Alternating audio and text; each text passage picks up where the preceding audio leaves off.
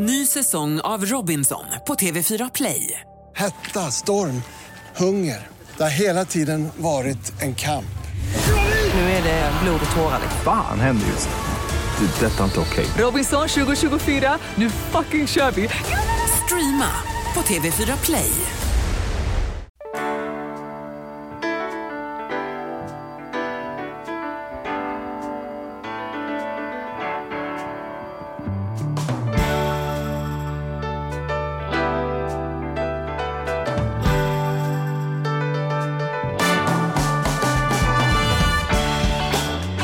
Tisdag igen. Ja, Veckan nu, går fort. du. nu går det i ett rasande tempo. Det är bara sommaren blir liksom närmare, närmare, närmare. Och jag, jag, vi har ju roligt man får reaktioner från lyssnare runt om. Och vi har en liten trogen lyssnarskara på Teneriffa av alla ställen. Som skickar till mig varje vecka feedback. Och de säger så här, de gillar bäst avsnitt när vi är osams. Jaha, ja. Eh, det här, ja, idag var det lite, ni var lite för överens, det blev lite för trevligt. Så att, eh, vi får se om vi kan bli osams idag då. ja. Eh, Vi har något, eh, idag har vi inte så mycket att bli osams om, för då kanske vi blir osams med vår härliga gäst. ja, men det, kom, det kommer inte bli svårpratat idag fall. Nej, det kommer det inte Det kan bli. vi säga. Och sen är det ju så, bara för att vara tydlig, så har vi ju expert varannan vecka och gäst varannan vecka. Och det tänker vi fortsätta ha. Mm. Någon gång kanske vi också är utan expert och då, då surrar vi själva. Men tanken är att varannan vecka har vi en gäst. Och idag tycker jag vi har kanske den mest spännande gästen hittills. Som man inte har hört så mycket av på ett tag heller. Nej, varför är det så då? Nej, men därför att hon har ju varit sjukskriven för att hon har haft problem med sin röst. Hon Mm. sjunger. Och eh, ja, men dessutom är hon gravid och ska snart få barn. Ja. Så att, Ja. eh, därför har det varit en period där hon inte har varit aktiv helt enkelt. Så det ska bli otroligt kul att höra vad, vad hon har att säga. Ja, men ska vi, ska vi välkomna henne in då? Ja, men det gör vi.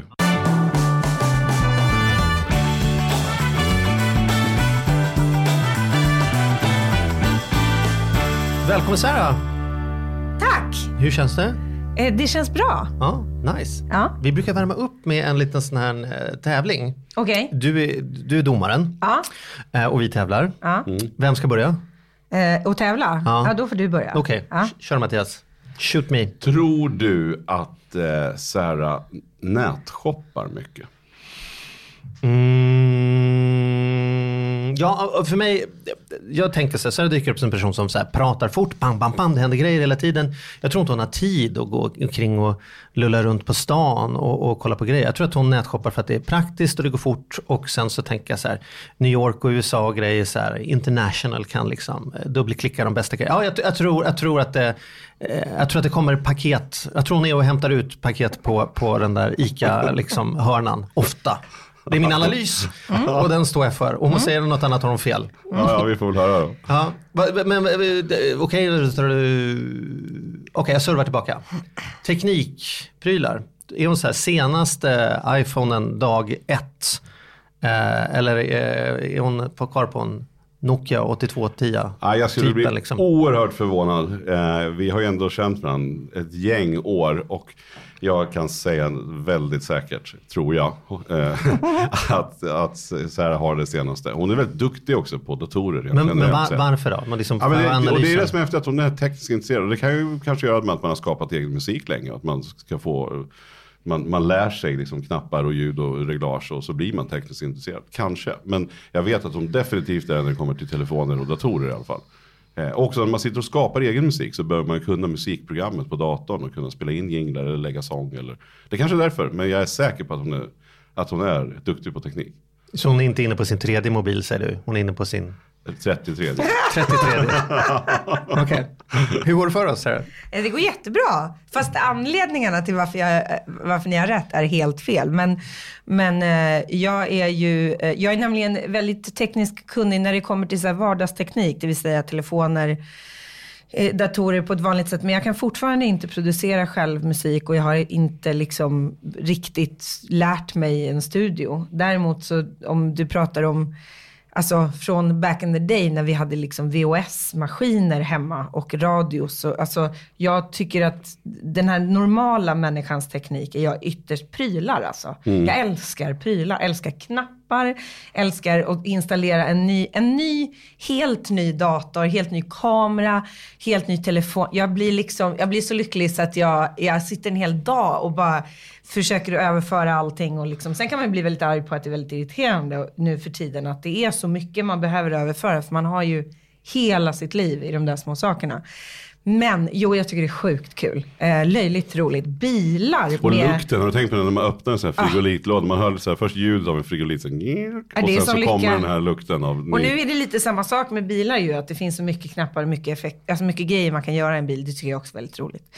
Eh, så det är snarare den typen utav Mm. teknik. Men var, var, alltså, jag, jag fattar, jag är ju så här.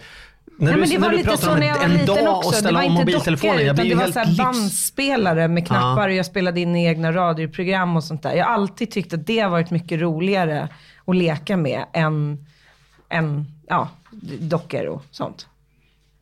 Mm, Är jag en dockkille då eller? Ja men du är ju en sån här fantasy-kille. Du leker ju rollspel och springer runt i skogen. Ja, nej, det är så det inte runt i jag. skogen. Ja eller vad du springer runt. Det är du som springer runt i skogen. Jag, jag gillar att läsa böcker. Ja, Jag precis. påhopp. Svåra Varför blir jag alltid någon typ av så här galning med svärd i skogen? Jag Bara för att älskar jag det. läser böcker. Lajvare. Nej, och det är ju det för att du jonglerar och springer runt barfota på Gotland. Ja, liksom. Det är inte svårare än Men så. du måste väl ha haft många artister som springer barfota på Gotland utan att du har anklagat dem för att vara någon typ av Det tomte? är också sant. Eller hur? Nej, jag känner bara dig. Okej. Men, men, ja, vi går vidare. Nu är om. Nätshoppingen, den har ju kommit igång senare år skulle jag säga. Jag har någon slags insomnia och haft i många, många år. Eh, av att man giggar på kvällarna och kommer hem sent och världen sover och man måste göra någonting och man har sett jag kan ha sett alla senaste avsnitten av någonting som jag vill göra. Och ja, absolut, det är ju för att jag inte vare sig tycker det är särskilt kul att gå i butiker och jag inte alls särskilt ofta har tid. Men just kläder har jag, alltså det är klart jag köper kläder på nätet, men jag tycker det är svårt med passform. Däremot saker på nätet går ju väldigt enkelt att köpa. Och det är väldigt, väldigt kul. Och det, det, återigen där, det vardagliga som man numera kan göra på nätet, det älskar jag. Typ handla mat. Alltså när jag sitter i Alltså så långt bort som London eller New York, absolut. Men bara när jag sitter i Linköping och vet att jag ska komma hem om två dagar och det kommer vara helt tomt i kylen. Så jag handlar nu på nätet så att maten levereras klockan 11 för att jag kommer komma hem med turnébussen klockan 10 på morgonen och slipper då gå ut och storhandla det första jag gör. Sådana saker tycker jag är fantastiskt praktiskt. Jag hade en period för kanske tio år sedan när jag var helt livsfarlig på nätet när jag spelade på nätterna. Alltså poker och sånt. eh, För att jag inte kunde sova. Och det var liksom, det var ingen bra grej. Det ska jag inte hålla på med. För att det där är, det är farligt att ha ett kreditkort och vara på internet när man inte kan sova. Det är liksom, ibland har jag verkligen gjort katastrofala köp. Alltså allt ifrån saker som, du vet, kommer till kommer till eh, posten och är liksom bara rent skit från Kina som någon har paketerat på något företag som jag borde konsumentanalyserat långt innan. Och ibland är det bara så här, vad var det här? Varför? Jag har aldrig använt det här. Varför köpte jag det här? Kan du ge ett exempel då? Vad är det mest som du själv tycker är mest korkade som och det är så mycket som är korkat. Alltså det är så fruktansvärt mycket. Men jag Topp köpte tre. No, på tredje plats. Men Jag köpte en grej som är någon så här specialdesignad, fantastisk eh, typ av klänning kontra Eh, liksom, alltså det är en scenklänning men den kräver sin scen om du förstår vad jag menar. Och den var specialdesignad så att man fick liksom mejla fram och tillbaka med designern och skicka mått och hela grejen. Jag har inte använt den en sekund. Alltså det finns inte en dag, det finns inte ett gig där jag känner så här, det här vågar jag ha på mig nu. Den är väldigt Då måste de väldigt mycket för du, den är väldigt du är ju, har ju annars om du väldigt förstår jag balla menar. Den är kläder. ganska, ja jag har ofta ganska mycket. ja. Eh, Om du vill rättfärdiga den kan du gå hem, sätt på den, ta en bild så kan vi lägga upp den i Facebookgruppen så kan du dra av den ändå som någon typ av, att Ja, du har ja, haft med nej, men det kommer jag, poddrekvisita. den, kommer ju, den kommer ju få. Jag funderade Ja. förra året, jag gjorde en stor konsert på Dalhalla. Och då tänkte jag, åh det här är så här, det här är det stället. Jag vågade inte då heller. Men jag kommer att Mm. Då våga. sitter ju publiken väldigt långt bort Exakt, så att då ser exakt. de ju knappt. Jag tänker mig typ så här min krogshow om fyra år, att det är Ja. då. Då kommer Då. den där schabraket till någon slags vingar och påfåglar och sånt som Ja. det är på den där. Men man tänker ändå som, som dig, du är ju den, i min värld den, här absoluta frilansaren egentligen. För jag menar, du har ju hållit på så himla länge. Eh, Jag vet också att du är duktig på ekonomi och har koll på, på pengar och sådär. Men du har ju haft väldigt mycket olika spår. Du, men du är skådis, kan man ju kalla det för. Eh, Du är framförallt musiker. Eh, Men, men även då liksom eh, varit programledare och, och stora grejer. Alltså, du har ju varit på Jag, de är allra, liksom, allra jag faller största under scenerna. den där artist. Ja, den, den moderna artist artisten. För så var det ju inte riktigt, när, liksom, du var ganska tidig med det där ändå. Att man både kunde agera liksom, och, och göra musikal samtidigt som du släppte ett otroligt trovärdigt eh, popalbum Mm. liksom, parallellt. Eh, Eller jag, sk- jag skulle inte säga att jag var tidig med det. Jag skulle säga att det var lite mer som det var förr med en Monica Z som gjorde sådär hela tiden. Eller en Mm. Skifs eller en, alltså alla de. Pack. Ja, ja, gud. Och jag men jag upplever ändå att det var en period där det inte liksom var helt rumsrent så att göra mycket så. så För man skulle här. antingen vara det ena eller Absolut, det andra. och det är liksom. fortfarande inte rumsrent. Men var det ett medvetet val att du tänkte så här, fuck that shit, jag tänker göra alltihopa? eller Nej, har det var, bara all, det var snubblat ihop? aldrig en fråga om, om att inte göra det. Det handlade bara om vad jag skulle göra först. Mm. Alltså jag började som skådis när jag var barn.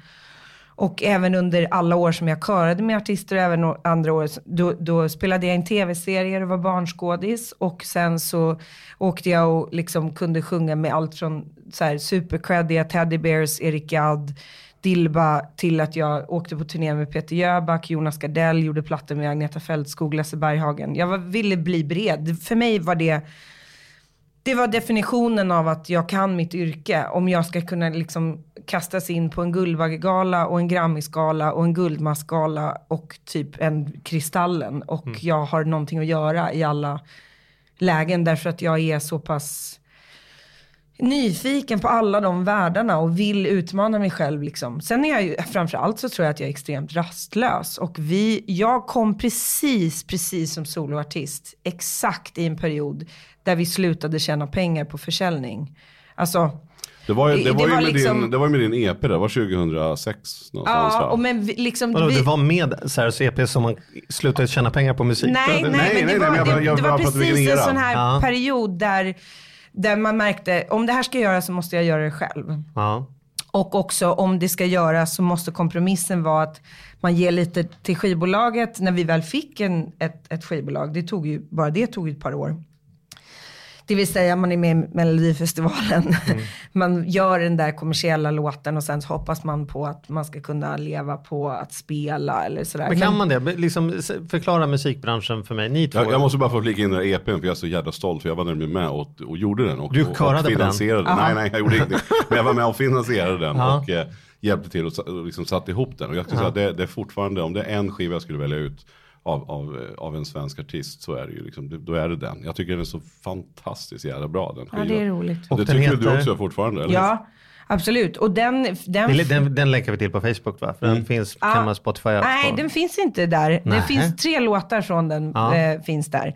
Men den är en sån här rarity. Den är så här, mina första fans har den. Vi, vi släppte ju upp ett par tusen exemplar av den. Och de som har den, de vet att de har den. Den kanske man kan, apropå Ja, samla, du har samlarvärde, det kanske är Ja. numrerad, eh, det är som klockorna. Det, Ja, det, exakt. Leta upp den på Ebay.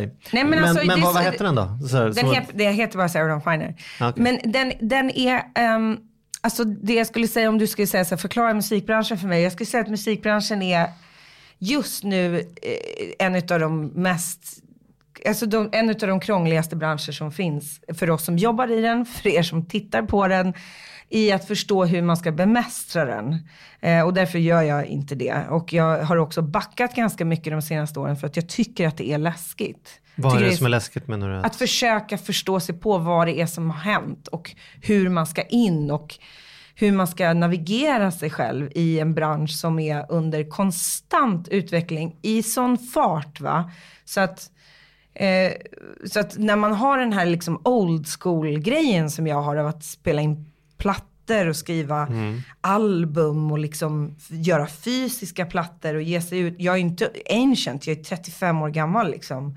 Jag, kan, jag sitter också på Spotify och jag laddar också, jag vet, jag lyssnar på extremt mycket ny musik och jag, men jag känner inte att jag hinner med ehm, hur, hur, hur en tonåring ska nå till musik idag Eh, är ett helt annat sätt än när vi var små. Alltså vi väntade en vecka på veckopeng och vi gick till en skivbutik och vi, det var liksom en hel process. Nu är det så här en youtuber som lägger upp en låt som har 10 miljoner streams på två dagar och sen helt plötsligt får, så blir han Justin Bieber. Man fattar ingenting liksom. Eh, så det är jättesvårt att kunna förklara musikbranschen för dig. Det enda jag kan säga är att jag tror att man som artist har många, många olika val. Och jag tror att, det vill säga, ska jag vara en artist som spelar med det här spelet? Ska jag inte det? Ska jag göra min helt egna grej och hoppas på att det finns en publik för det i alla fall? Och alla artister, när jag menar på att jag var ganska precis i slutet på det här, för alla artister som kom före mig, alltså de jag jobbade med, de känner jag har kvar sin plattform. En eh, Lisa Nilsson, en Orup, en Erik Gadd. En, Mm. Alltså de kan göra en krogshow på sina hits, de kan turnera med det i flera år, de kan göra så mycket bättre. De, kan, de har liksom de här 15-20 hitsen som de fortfarande kommer att leva på oavsett om de inte släpper en ny platta de närmsta 15 åren, 20 åren eller inte. Skiffs är ett bra exempel. på Hooked on det. a feeling. Exakt. Men, men en artist som kommer i Melodifestivalen i år, vem kommer ihåg den artisten veckan efter? Hur gör man idag för att få en sån karriär? Liksom? Och, Men du, när, när, du- när du pratar nu, då tänker man så här, den här... Eh, du har ju ett sånt fruktansvärt driv och den typen av frågor du ställer upplever jag att det är väldigt få som ställer. Vi, liksom, vi frågar så här, eh, nytt program, hur tänker du då? Och det bara sprutar ur dina tankar om hur programmet ska göras annorlunda, målgruppen, hur du tänker. Och så pratar vi musikbranschen och du direkt så här, jag försöker analysera, förstå hur tänker en 20-åring idag och nedladdning, hur funkar det? Alltså det är ju, det här är ju drag som man snarare skulle se hos en eh, en entreprenör, en, en eh, ja, ja, förstår du vad jag vi- menar? jag det, du det har- bor ju e- någon... Exakt med den repliken har du liksom kategoriserat hela mitt livsproblem. Garanterat. Jag överdriver inte nu. Mattias har jobbat med mig och han skulle nog säga exakt samma sak. Jag borde inte vara kreativ människa. Jag borde egentligen sitta på andra sidan och vara Du antingen... borde vara skivbolagsdirektör. Nej, men manager eller Typ, producent eller kreativ producent. Eller Ja. liksom, därför att jag, eh, jag, jag har jättesvårt att, att separera de två sakerna. För jag är ju också bara en människa som älskar att sjunga. Och de två grejerna gör att jag, jag dödar mycket min egen kreativitet. För att jag är rädd, för att jag tittar på helbilden som andra människor kanske... Alltså jag tycker artister många gånger är fantastiskt eh, härligt naiva. Man måste leva i någon typ av bubbla Ja. för att kunna gå ut tårögd varje dag och, bara de- köra och de- där utan och de, att tänka målgrupp. De är liksom, så här, du vet, publiken kommer till mig, jag gör den musiken jag vill och Ja. jag kommer hitta dit och de Ja. kommer Men, hitta men mig. samtidigt så tror jag också att det kanske är också, det, det har ju också gått väldigt, väldigt bra för dig. För att du har ju varit extremt engagerad. Och jag som har varit en del av, av, av dig och din karriär under många år. Så, så vet vi med skivbolaget att alla slet ju för att här, bara sjung nu, liksom, Mm. ligg lågt. Men samtidigt så var det din, din entusiasm som gjorde ändå att, att ja, men vi gör så här, vi gör på det här Mm. viset också. Och då, då var ju de här skivbolagsnissarna runt om, de insåg ju, ja men fan hon har ju rätt alltså.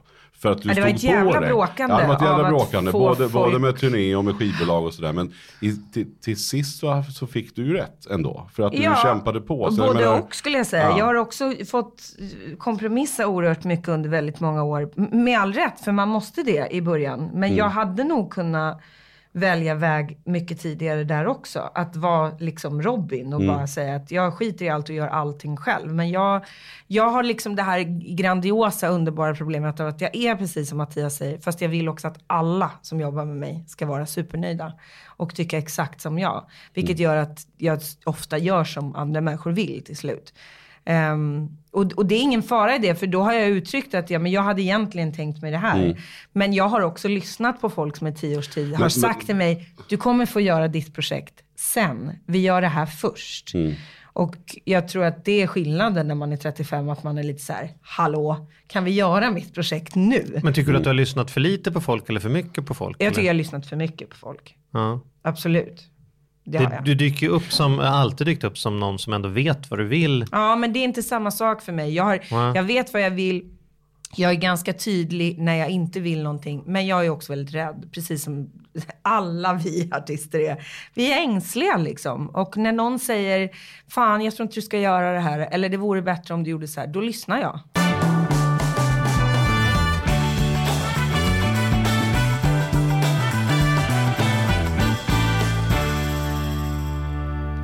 Det pratas mycket om det här nu att de, de, de som växer upp nu, liksom våra barn kommer ju inte ha, det kommer inte finnas fasta jobb tror man till dem utan de kommer ju vara frilansare hela livet eller jobba i projekt eller olika Ja. saker. Liksom så. Så att, och då, då handlar det om det här att vara säljande eller att vara köpbar, att, att Ja. hålla på och driva.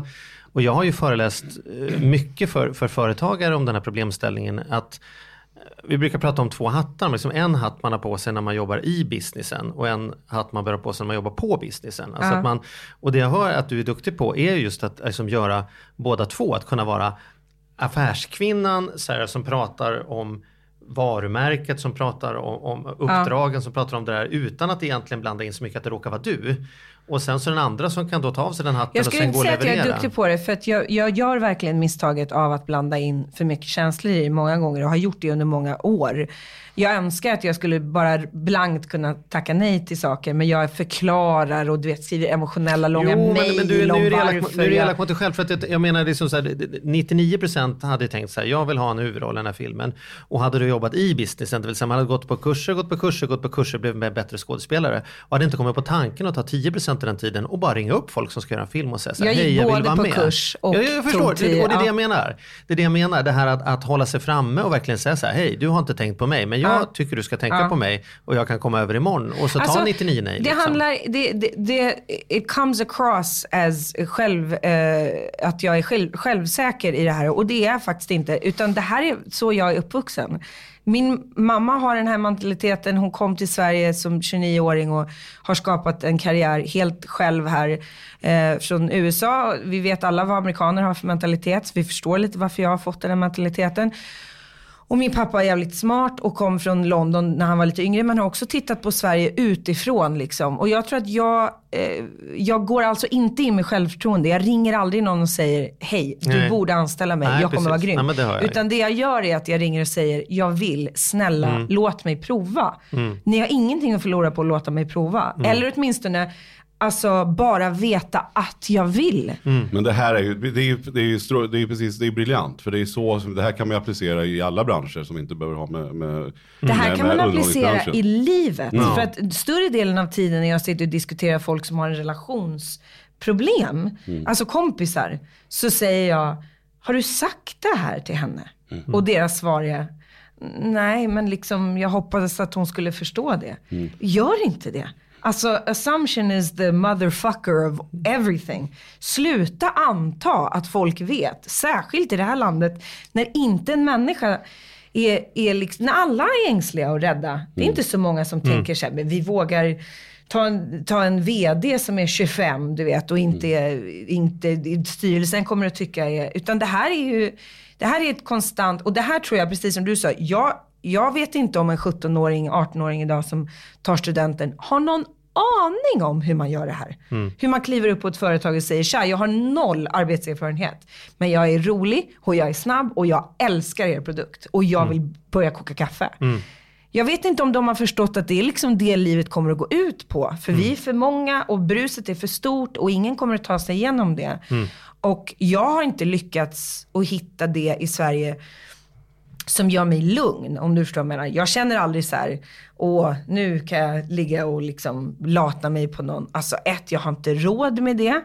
Eh, jag har varit sjukskriven nu för första gången i mitt liv i åtta månader och klivit in i det här systemet av att vara frilansare i någon slags försäkringskassevärld. Och ett förstår att jag liksom inte har några pengar eh, och att jag inte riktigt vet hur det fungerar om man inte kan jobba. Därför att jag är så van att mina arbetstillfällen är de som göder mig. Det vill säga jag kan säga till ett bokningsbolag att jag behöver inte tjäna så mycket pengar på den där turnén därför att jag vet att jag ska göra ett annat projekt två, tre veckor senare som jag kommer att kunna bekosta den här turnén med. Så att när jag sitter i ett läge som jag har gjort nu i sju, åtta månader så har det krävt att jag att jag måste tänka om hela mitt liv. Vad gör jag då om jag inte har några pengar och om jag inte kan jobba? Alltså det vill säga om min röst som var den som försvann då, för jag fick polyper på stämbanden. Om den inte finns, vad gör jag då? Ja, vad gör du då? Ja, då? för det var ju här jag var lite inne på, just det, det jag menar med fördelen då är ju när det går bra och, och när det visar sig att du får en sån roll 20 år senare som du hade velat. Mm. Och, mot om du hade haft ett vanligt jobb, då hade man kanske inte kunnat fått den möjligheten. Eller liksom kunnat switcha till bytt. Och det var det jag menade med fördelen med frilans. Men då också då baksidan nu, som sagt, när det här hände då. Vad, Mm. För, för jag menar, liksom, rösten är ju ditt enda verktyg egentligen. Eller, jo, det får man säga. jo därför Så- tyvärr så- behöver man den även när Även man är man- skådis ja, och när man är programledare och när man gör röst, eh, liksom jobb och när man är konferencier och man behöver den jämt. Ja. Hur kändes det att få det beskedet av läkaren att du kommer inte kunna sjunga på ett halvår eller ett Alltså år? först och främst så var det ju fruktansvärt att behöva göra det som jag aldrig någonsin har gjort, vilket är att ställa in en massa, massa, massa projekt. Eh, jag ställde in två tv-serier, jag ställde in min stora, jättestora vinterturné som vi hade sålt en massa biljetter till. Jag ställde in kanske 20 olika gig och eh, det var liksom det som var bokat, kontrakterat och klart sådär de närmsta eh, halvåret typ. Så det var den största grejen för att jag är då Väldigt dålig på att göra folk besvikna. Alltså orimligt dålig på det. Eh, och det andra är rädslan av vad gör jag om det inte funkar? Och där är jag fortfarande, alltså det finns ingen garanti att jag kommer att kunna komma tillbaka i den kapaciteten jag har varit i. Eh, det vet inte läkaren och det vet inte pedagogerna och de har inget svar på det. det vi vet inte hur jag kommer behöva låta nu ut innan jag blir sjuk igen. Om jag blir sjuk igen. Um, för att jag har kvar dem på stämbanden fast de är mycket, mycket bättre. Så jag behöver inte, ja, vi vet inte om jag måste operera eller inte. Så det är en lång process. Men det, men det kräver att man helt plötsligt stiger tillbaka och och då blir väldigt må många val väldigt tydliga. Nej, jag kan inte göra det där hjärteprojektet nu som skulle kräva all min tid i ett och ett halvt år. Därför att jag måste göra projekt som, är, liksom, som jag klarar av rent eh, energimässigt, röstmässigt, ekonomiskt. Mm. Man tänker med andra hattar helt enkelt. Men har du förberett dig ekonomiskt för nej. Winter is coming? Liksom? Nej, nej, nej, nej, nej, inte alls. Inte bara inte för, jag har liksom inte så mycket, jag tjänar inte så mycket pengar. Jag är också inte en så, alltså jag har inte kompromissat så mycket med mitt varumärke. Om du förstår vad jag menar. Du har inte sålt ut dig så mycket? Men Nej men det tycker det inte jag att det behöver vara. Men jag har inte kompromissat så mycket. Det vill säga jag har inte liksom gjort några så stora ekonomiska samarbeten. Och jag, har inte, jag bloggar inte. Och jag du skulle inte sitta och podda till exempel som jag och Mattias Jag skulle gärna podda för att det är askul. Men jag blir väldigt stressad av att vi, eh, alltså det här, är ett, det här är en stor diskussion som vi kan ha någon annan gång. För jag har inga problem med mina kollegor som gör det. Men jag gör det inte. Alltså allt det här i form av jag byter, ut, jag byter inte ut mitt privatliv mot en massa pengar. Än så länge. Jag menar, säg det tydligare för att folk förstår inte vad du säger. Så vad är det du tänker att det inte passar dig? Vad är det alltså, andra gör som inte passar dig? Nej men att vara en offentlig person idag är också att vara en offentlig person eh, i alla lägen. Ja. Privat och personligt och eh, du kan också dra nytta av det såklart. Eh, ekonomiskt. Eh, man går på alla filmpremiärer och står där och man gör hemma ja, Jag skulle snarare säga att hela... här, ju mer du inbjuder mm. Eh, alltså det här är ett väldigt känsligt ämne för att det är väldigt tydligt. Jag vill vara väldigt tydlig med att jag bryr mig inte att andra människor gör det. Jag har bara inte hittat ett sätt att göra det så att det funkar för mig. Mm. Jag vill inte vara så privat mm. eh, i offentliga sammanhang mot att någon eh, betalar mig en massa pengar. Mm. Andra människor har noll problem med det. Plus att många andra offentliga människor, deras personlighet är deras varumärke. Mm. Så de, för dem är det ingen skillnad. Mm. Eh, för mig är det liksom alltid en avvägning när någon ringer och säger, vi vill skicka en produkt till dig, kan du skriva någonting om det? Mm. Mm, nej, det kan jag inte. Mm. Däremot kommer jag rekommendera en produkt som jag ändå använder. Jag rekommenderar en produkt är fel, men jag rekommenderar extremt mycket pjäser och filmer och böcker och alltså, saker som jag går och tittar på som, som jag tycker folk ska se eller musik mm. jag tycker folk ska lyssna på. Det är ingen som behöver betala mig för att göra mm. det. Liksom. Men, men där har ju du ändå hittat din väg i det frilansande. För du har ju också kunnat reglera att om en, om en turné har kostat för att du har haft dyra musiker så har du sen kunnat åka och gjort några företagsgig till exempel. Verkligen. Så att du har ju hela tiden, det är det jag menar också, att du har ju ändå balanserat upp det och du skulle ju kunna göra ännu mer men du har inte behövt. Alltså det Nej, här, och, och, men du skulle och, säkert göra mer Och jag vill gärna göra dem, alltså jag älskar att göra företagsjobb. Så mm. att jag har ingen, det finns ingen liksom prestige i något sånt. Jag tycker det är roligt, jag tycker det är extremt lärorikt. Särskilt när jag började jobba med föreläsningar eller du vet, hosta, moder, vara moderator eller göra stora saker där man får göra musikaliska samarbeten som man inte får göra inför en publik annars och sådär. Så nej, jag har ingen, däremot så är det samma sak där. Man vill bara att det ska vara bra nivå på grejer så att man inte känner att, att eh, alltså det var många år sedan som jag gjorde liksom den här, min son är sångare, han är chefens son, kan du sjunga med hans band? Och, ja, alltså den grejen är lite ja. annorlunda idag. Eh, men nej, jag tycker det är superlärorikt att göra. Det är också den ja, enda det... gången jag lever med att sjunga för en publik som inte alls tycker jag är särskilt bra. Apropå privat då. Det är nämligen Ja. det som händer. Men, men apropå privat så är det ju oundvikligt här nu att se att du är ju eh, ganska stor kring magen. Ja, Det ska ju komma något härligt. vadå, syns det? Ja det syns Ja. ganska bra. Ja. Eh, men, men det var ju det du kunde ägna dig åt då. Om du inte kunde sjunga så kunde du ju göra något annat. Eh, ja, det Men gud vilket jävla påhopp! Ja, Nej, men jag Ja, jag ja, räknar du menade så. Ja, nej, så var det så de inte fann riktigt. hemma en natt Ja, plötsligt och nej, nej, de exakt. Jag var Nej då. ledig en Ja, dag men jag och säger, det måste väl ha varit väldigt härligt att då kunna switcha om. om du Alltså jag kan säga sjunga. så här, det var både positivt och negativt. Därför att eh, det är klart att det var fantastiskt på många sätt och vis. Att jag inte behövde ligga hemma och gråta varje dag över det här för att jag också var med barn. Men eh, det väldigt privata i den här diskussionen är att eh, mycket av operationerna och sånt där kan jag inte göra för att jag är med barn. Så att det blev också ett moment 22 av att jaha, nu kom livet emellan och då var det bara att kasta in handduken. För att de sa rakt upp och ner att så här, vi kommer inte operera dig för du kan inte sövas. Nej, vad gör vi då? Nej, då är det bara att liksom rehabilitera dig och vänta.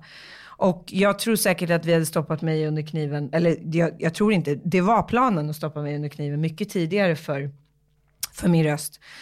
Eh, men jag blev med barn. Och, det, och, då, och där kan vi verkligen prata om att så här, aha, okej. Eh, hur, gör, hur gör jag det här nu? Eh, för det går inte, vad ska man vara arg för det? Alltså det är ju så det är. Ja, Liksom. precis. Visst. Och det jag, där är ju verkligen ett frilansdilemma. Liksom. Det, när du säger så att livet kommer emellan, det är ju det livet gör. Ja. Och samtidigt är det det man vill ha livet till. ja, Vad är det för poäng att ha ett liv om det inte ska få komma emellan? Liksom? Ja, och jag menar i det här lä- läget, de här månaderna senare när jag har tagit mig igenom i alla fall, nu kommer det svåra. Alltså, nu kommer barnet, nu, kommer, nu måste jag kunna börja jobba igen. Nu, liksom, nu måste rösten börja funka.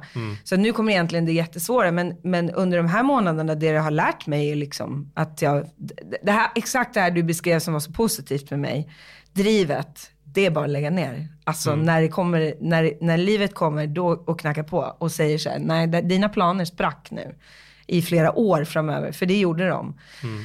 Gör nya planer. Då, det tog mig fem, sex månader att sluta gråta över det och känna att okej, okay, då får vi se. Vi ser hur mycket jag orkar, vi ser hur det går med graviditeten, vi ser hur liksom, Um, och det har varit det absolut, absolut mest lärorika i hela mitt liv från den dagen jag föddes. Det här året och hur det ruckade på hela min personlighet och hela min plan att förstå att jag kan inte kontrollera det här över överhuvudtaget. Jag kan gå och öva, jag kan gå och göra liksom saker, men jag kommer inte veta om jag någon gång blir den jag var röstmässigt och jag kommer inte veta om barnet är okej och jag kommer inte, jag kommer inte, det går inte.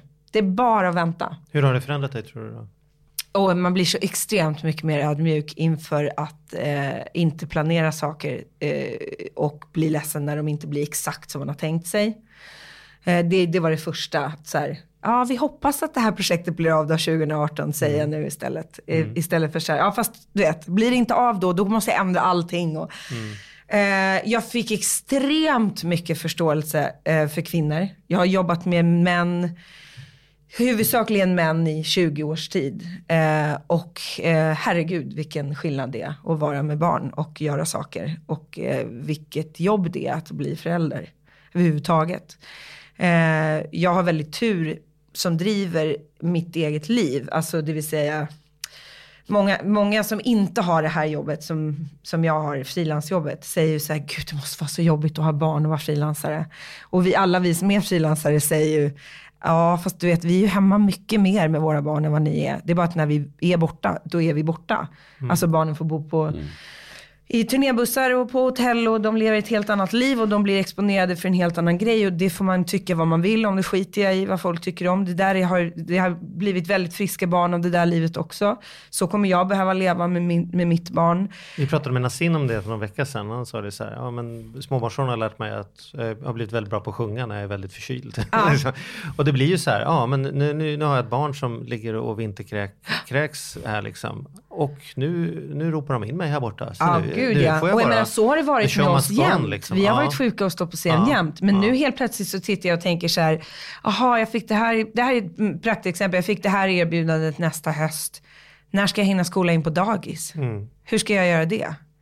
Och Och då ska Eh, du sitta nu. jag är inte ensamstående Du är så här, gravid men, och men eh, du, du, liksom, barnet har inte ens, du har inte Nej, ens, men ens så- fått krama den och men, ändå men får man ett erbjudande, får man ett erbjudande för 2018 så blir det så här direkt titta på våra kalendrar och säga hur gör vi det här liksom? Och det är helt andra parametrar. Ehm, Men gillar du det livet då? Kom, eller tror du att det kommer komma någon fas när det blir så här, nej men skit i frilans, nu tar jag ett jobb som executive på någon sån här eh, mediebyrå, reklam, nya Nej, musik, tjolahoppsan.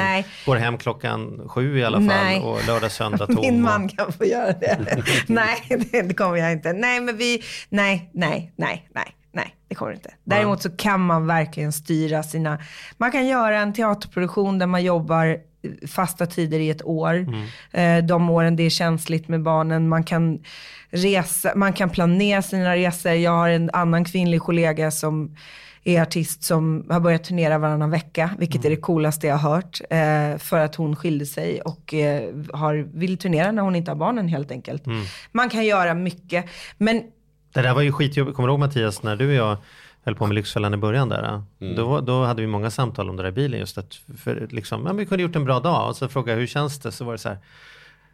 "Ah, jag, jag saknar barnen. Jag tycker det är jävligt jobbigt att jag åker upp till ett hotellrum nu och inte kommer hem och lägger mig och gosar med dem på, på Mm. Ja, det var det ju. Säkert var vi borta var- en tre, fyra dagar direkt för mig. Jag var ju jag Men det har ju inte extremt du sådär. varit. Så- Du, var- du var verkligen ingen rolig, Det var- alltså, jag menar inte tråkigt för mig, men, men alltså det, det märktes så tydligt för dig. Jag hade ju inte fått barn ännu i början då, men, men respekt för den där maktlösheten som jag, nej men jag måste vara, jag måste vara i Skövde. Ja. Där det, eller måste, jag är ingen kirurg av liksom, trafikskadade barn, men jag gör bara tv eller gör en krogshow eller vad, vad du vill. Men ändå är det så här, biljetterna är sålda, folk är där, jag kan inte skicka någon annan.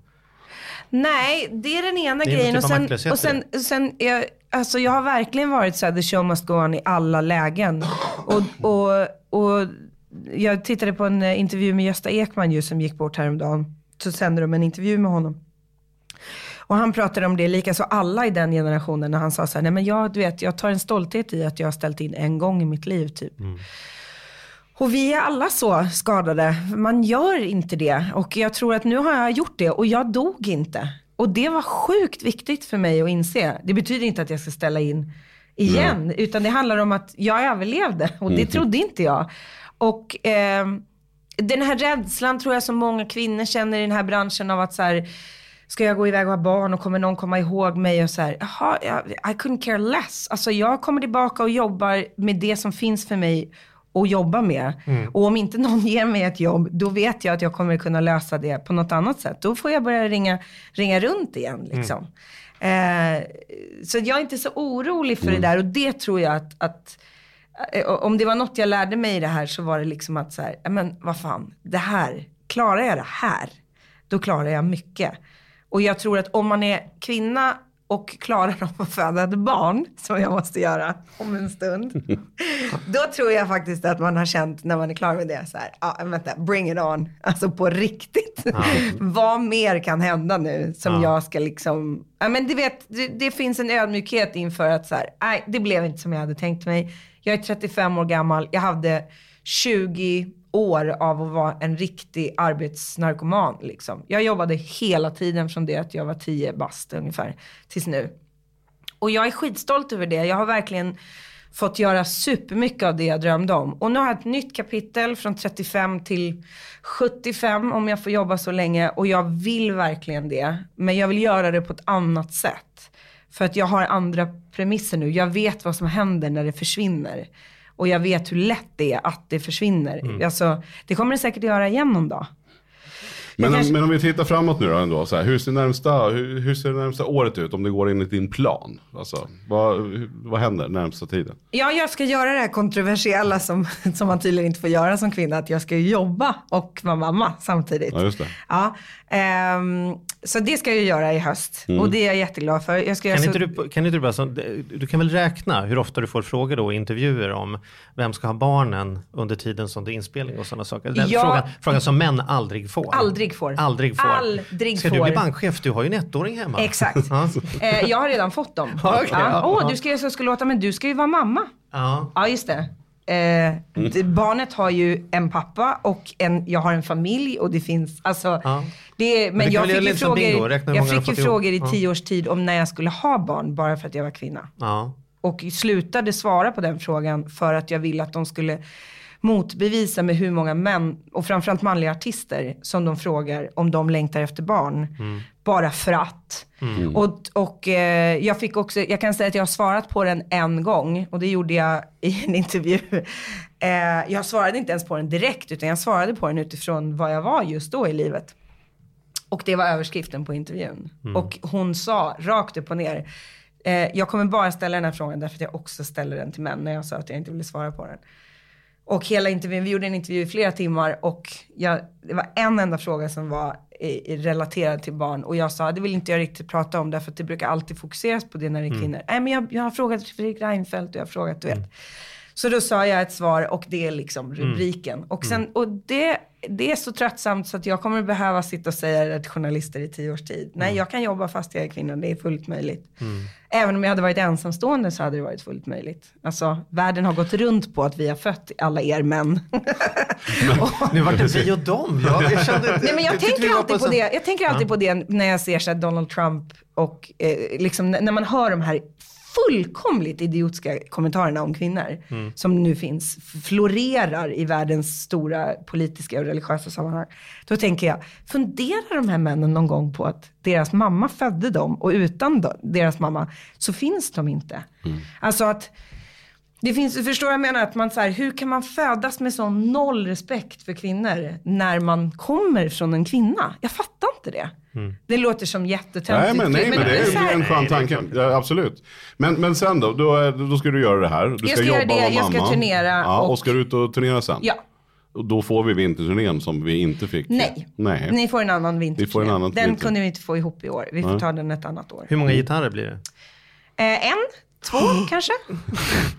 Som jag köper eller som jag spelar på? Nej, vi hur tänkte många musiker. Alltså, Jaha, nej, bandet, nej men det här är första gången jag någonsin ska göra en turné tillsammans med andra artister. Ah, okej. Så att det är ett stort band och det är massa artister Ah, okej. Nej, det är första gången jag inte åker själv. Och det, be- Okej. det betyder att du inte behöver betala för musikerna själv heller. Det är jättebra. Eh, nej, det behöver jag inte. Eller det gör vi ju ändå indirekt, Nej, alla ja, artister. precis. Men nej, nej det Nej, behöver vad jag roligt. inte. Vad Men jag har en, en, en, en, eh, jag ska- Avslutande. Ja, men en, en musikfråga kan man säga. Eller i alla fall som en sån som du är ex, extra lämpad att svara på. Eftersom jag vet att du är smart och lite företagsam. Och jag, har, jag sitter på konserter ibland. Jag är inte så konserttokig. Men jag är lite ekonom. Så jag sitter på konserter Och och, så tittar man. Okej, så tänker man så här. 700 kronor har jag betalat. Och så är vi 15 000 pers här liksom. Det är ju för fan 10 miljoner på en kväll. Ja. Eh, och så säger folk att man kan inte tjäna pengar på, på musik. Liksom. Så, så då tänker jag så här, jag tror inte att du tillhör en bransch som ljuger på dagarna, utan jag tror på riktigt att det stämmer att det inte går så bra att tjäna pengar på musik. Så kan inte du hjälpa alla oss en gång för alla och räkna, vart försvinner de 10 miljonerna då? Om man har 15 000 människor som betalat 700 kronor på en kväll. Alltså hur mycket, ha, förstår du vad jag menar? Jag förstår precis vad du menar. Jag, Vem- jag skulle säga att man, dem- man måste börja då? titta i paritet till kapacitet mot eh, budget. Det Mm. vill säga, det jag pratar om är artister i, på min nivå som liksom, vi kommer aldrig upp på, vi kommer aldrig, men jag har hittills inte kommit upp på att spela i så pass stora arenor. Mm. Så att jag spelar inte Globen liksom än. Och, Mm. Men en eh, bra, vad är en bra arena då? Vad spelar du på då? Jag spelar på Cirkus till Cirkus, exempel. kan, kan du, Ja, och hur, hur många får plats på Cirkus? 1600 som 1600. max. Mm. Och vad kostar en biljett typ? Typ 450-500 spänn. Okej, så vad är 500 gånger 1600? Ehm, Vad blir det? 800 000? Kan det bli det? Nej? ja, 1500. Jag, jag är helt tyst nu för jag tycker det här är så roligt. 1 500 människor gånger 500. Så 500 gånger 1000 är 500 000. Ja. Och så har vi ett halvt till då. Det är 750 000. 750 000. Det här är ändå det Ja. roligaste i hela avsnittet när ni ska räkna. Ja, Ja, då, då, då, Så, börjar, då börjar vi med. 750 000. Då börjar Här fick du dem av mig. Varsågod. Ja. Vem ska få dem nu då? Vi börjar med att Cirkus ska ha betalt. Vad kostar cirkus då? Mycket. Mattias, vad kostar cirkus en kväll? Ja, jag, jag, Ungefär, cirkus. En hundring. En hundra? Ja, säg 100. Okej, 650 kvar. Sen ska de också ha procent på om det är utsålt eller inte. De vill alltså ha mera pengar om det kommer mycket mera folk. Mhm. Och det gjorde du nu. Och det gjorde det ju. Ja. Så att vi, det var inte så bra för oss att vi var utsålt. för vi kunde bara göra ett gig på Cirkus och kunde inte stoppa in två samma dag. Då försvinner 50 till då? Eller? Ja, vi säger det. Då är vi nere på 600. Mm. Och sen, eh, eh, kostar, eh, sen finns det övergripande då kostnader som inte då är ett gigs kostnader. Till exempel lastbilen som all teknik åker runt med. Två eller, en eller två bussar som bandet och crewet åker runt med. De kostar ganska mycket för hela turnén så man splittar det så det blir ett par tusen per, per konsert. Sen all teknik som vi behövde ta in extra till Cirkus. Ljuset, eh, ljudet, man kanske behövde ta in ett eget PA. Ni, nu har Doka Cirkus har ett väldigt bra PA men Vad är ljud och ljus och PA? Vad kostar det en kväll då? Nej men nu, det finns jag 30, 30 kanske? nej, mycket mer än så. 70? Ja. Okej, Ja. en, en hundring inklusive bussar och lastbilar. Alltså nu pratar vi en det. turné som är ganska stor som hamnar Ja, på Cirkus, ja, inte en nej, miniturné nej, liksom. nej. Och sen har Mer vi... den här påfågelklänningen ser jag framför mig. Liksom. Det där. Ja, exakt. Ja. Nej, men liksom, jag vet inte vem vi ska ta, men ta en Maggio kanske, Mm. eh, den nivån. Fast hon spelar på mycket större ställen. Men när hon spelar på Cirkus. Ehm, och sen... Mm. Då är vi nere på 500 då. Ja, precis. Mm. Eh, och sen har du eh, gager, musikergager och teknikergager och säga att det är 14 pers som åker med, 15 pers som åker med kanske. Ja. 150 000 kanske? Ja, Ja, då är vi nere på 350 kvar då. Sen går 20% till bokningsbolaget. Okej, och 20% på de 750 så det är 150, då är vi kvar, nere på 200 000 kvar då. Ja. Och om du har tur då, då, skulle, då finns det lite overhead-kostnader på en turné. Det vill säga marknadsföring till exempel är en kostnad som vi säger är en halv miljon kanske på en turné. Det, det är det inte, det är väldigt högt. Men vi säger att det, det är en, sån här, en av de övergripande kostnaderna. Ja, Mm. ja. Den eh, kommer du dra lite på varje gig. En sån post. Ehm, hyra av replokal i en vecka innan man åkte ut på turné. Kommer du dra lite. Alla, alla sådana där stora kostnader. Sen betalar man för sin egen catering, alltså lunchen och middagen till bandet och crewet. Eh, man betalar för de där ölen som står i logen och man betalar för sellerin som man, och ingefäran som jag dricker och allt sånt där. Och har man då tur, för det här var en ganska generös budget och väldigt mycket folk, då kanske det finns 100 000 kronor kvar. Och det vore väl fantastiskt om man tjänade 100 000 kronor på ett utsålt cirkus. Och sen ska det vara skatt och... och På faktura ska vi säga. Exakt. Och sen så, så går det ju bort skatt hos oss. Och hela Det blir ungefär grejen. hälften Så- kvar Så där. det blir en hälften 50 000. kvar kanske. Nu Ja. glömde jag lite saker tror jag, men, men eh, Biljetten var dessutom utan, utan någon typ av moms eller skatt på. Exakt. Så att, eh, exakt. Precis. ja, ja. Sen så går det ju också pengar till Ticketmaster eller Showtick eller de som säljer biljetterna så får ju också en Ja. procent på varje biljett och sådär. ja. Eh, Men okej, så du lever, då lever man på t-shirtarna? Eller? mm, exakt. Kepsarna? Finns det mycket sådana Sardon Finer-kepsar? Nej, liksom? det, jag har inte så mycket merch för jag har inte så merch-benägen publik. Men eh, yngre artister lever ju totalt på merch. Alltså därför att deras publik är ju så här, om de inte får ta en bild så var de inte där och därför köper de en keps så de får ta en bild och sådär. Men det har varit allt upp till liksom att Jill Johnson och Niklas Strömstedt har ascoola merchgrejer och säljer gitarrer på sina gig till exempel. Som är också jättekul. Ja, ja, Ehm, köp en gitarr och få en bild. Och liksom, det är jätteroligt. Alltså så merch som är bra tänkt med artisten. Men kan det, på ett sätt och vis kan jag tänka också att när en bransch tajtar till sig så måste man också vara kreativare. Man måste hitta, man måste Gud, ju, ja. och att det kan vara ganska kul att man blir mer lyhörd för publiken och tänker så här, men Jag vi måste gör bara en gitarrgrej, jag måste vi bara poängtera en sak. Här. Om man tjänade 100 000 kronor på Cirkus. Mm. Så spelar man dagen efter på Linköpings konserthus. Då gick man back. 40 Där det 000. var, 100, där det var 1100 platser. Men det kom 400 pers. Då ryker alla pengar man tjänade på Cirkus. Ja, Det är så det funkar. Så har du utsålt hela tiden så är det skitkul. Kents avslutningsturné, den gick nog bra. De tjänade säkert jättemycket pengar på det, med all Ja. rätt som Ja. de ska, som Sveriges Ja. största band. Liksom. Eh, jag tror andra- att de som absolut det går bäst för just nu i svensk underhållningsbransch, och detta är bara en ren spekulation, det är stand-up-komikerna. Mhm. De åker med två pers, alltså de åker kanske med en tekniker, en turnéledare, Eh, de har ingenting på scenen förutom möjligtvis en skärm. Alltså rekvisitamässigt. Om det inte är så här Schyffert och Lindström, de brukar ha ganska mycket rekvisita. Men annars åker ståuppare själva liksom. Och de säljer ut cirkus sju gånger. På den personen. Så att jag, ska, alltså hade jag velat tjäna pengar så hade jag ju blivit roligare. Det Okej. kanske vore någonting för dig. Jag ser, Charlie, du ser lite sugen ut. Att du, bli rolig? Du, ja, jag menar det. Det vore någonting för dig. Men de, och Du, de, du kan ju jonglera till exempel. Vi kan få in dig i nya talanger. De kämpar, ju, de kämpar ju för det också. De gör ju de där 40, 50, 60 gigen innan turnén för att slipa på sitt material. Som de säkert inte alls tar mycket pengar för. Så att jag, jag unnar också ståuppbranschen, för den var inte sån för 20 år sedan. Men nu tycker jag att liksom, men det har ni kanske tänkt på också, att om man ser vilka som säljer ut och säljer ut och säljer ut och gör 200 föreställningar så är det just den här, det är Schyffert, det är Gardell, det är Nor, det är liksom, jag tycker det är så jävla kul. Och det största beviset på det tror jag är att människor, eh, att vi lever lite i en tid av misär och har gjort ganska länge. Och människor är utbrända och de är stressade och man vill bara få sitta och ha kul. Och man vill få tänka lite.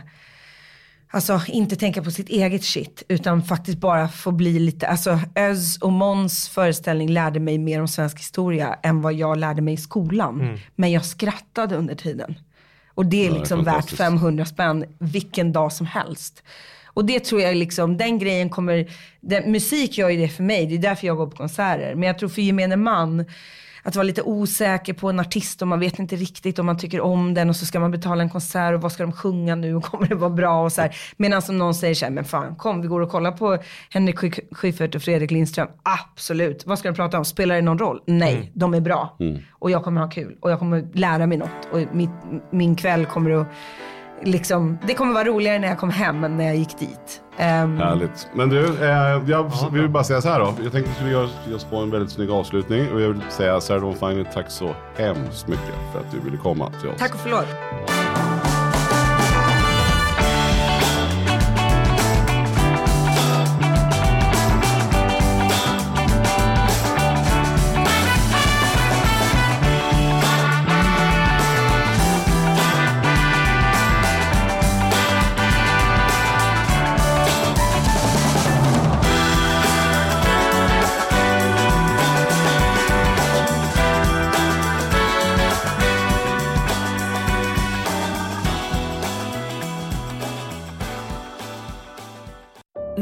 Säsong av Robinson på TV4 Play. Hetta, storm, hunger. Det har hela tiden varit en kamp. Nu är det blod och tårar. Fan händer just nu. Det. är Detta är inte okej. Robinson 2024, nu fucking kör vi! Streama på TV4 Play.